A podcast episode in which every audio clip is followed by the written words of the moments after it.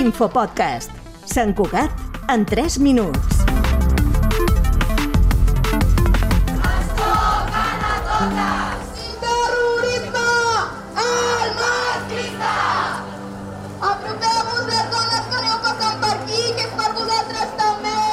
El clam contra la violència masclista és cada vegada més fort i nombrós.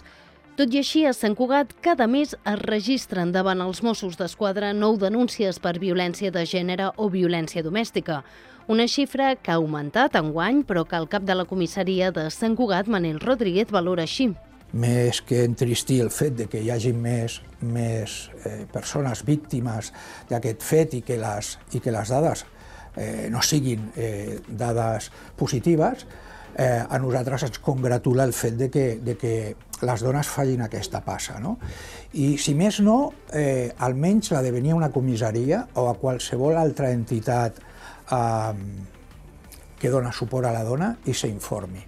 I és que entre gener i setembre d'aquest any s'han interposat a comissaria 85 denúncies. Aquestes són les xifres d'una xacra encara molt invisibilitzada.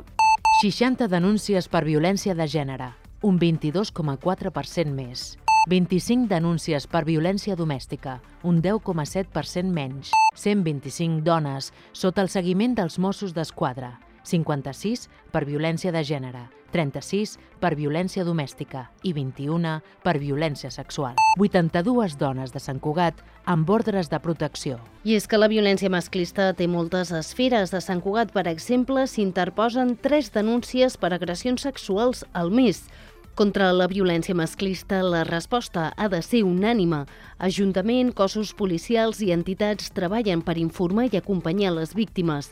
Només els Mossos d'Esquadra han realitzat durant els primers nou mesos de l'any 800 trucades de seguiment. Les xifres de denúncies, però, són només la punta de l'iceberg d'aquesta xacra. Per això, des de tots els estaments recorden que el primer pas és informar-se i que no és necessari presentar una denúncia. No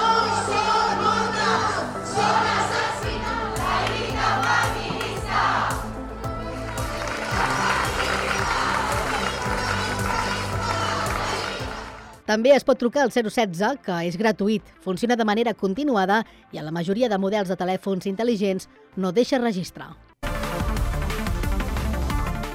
L'Infopodcast és una producció de Ràdio Sant Cugat i la xarxa.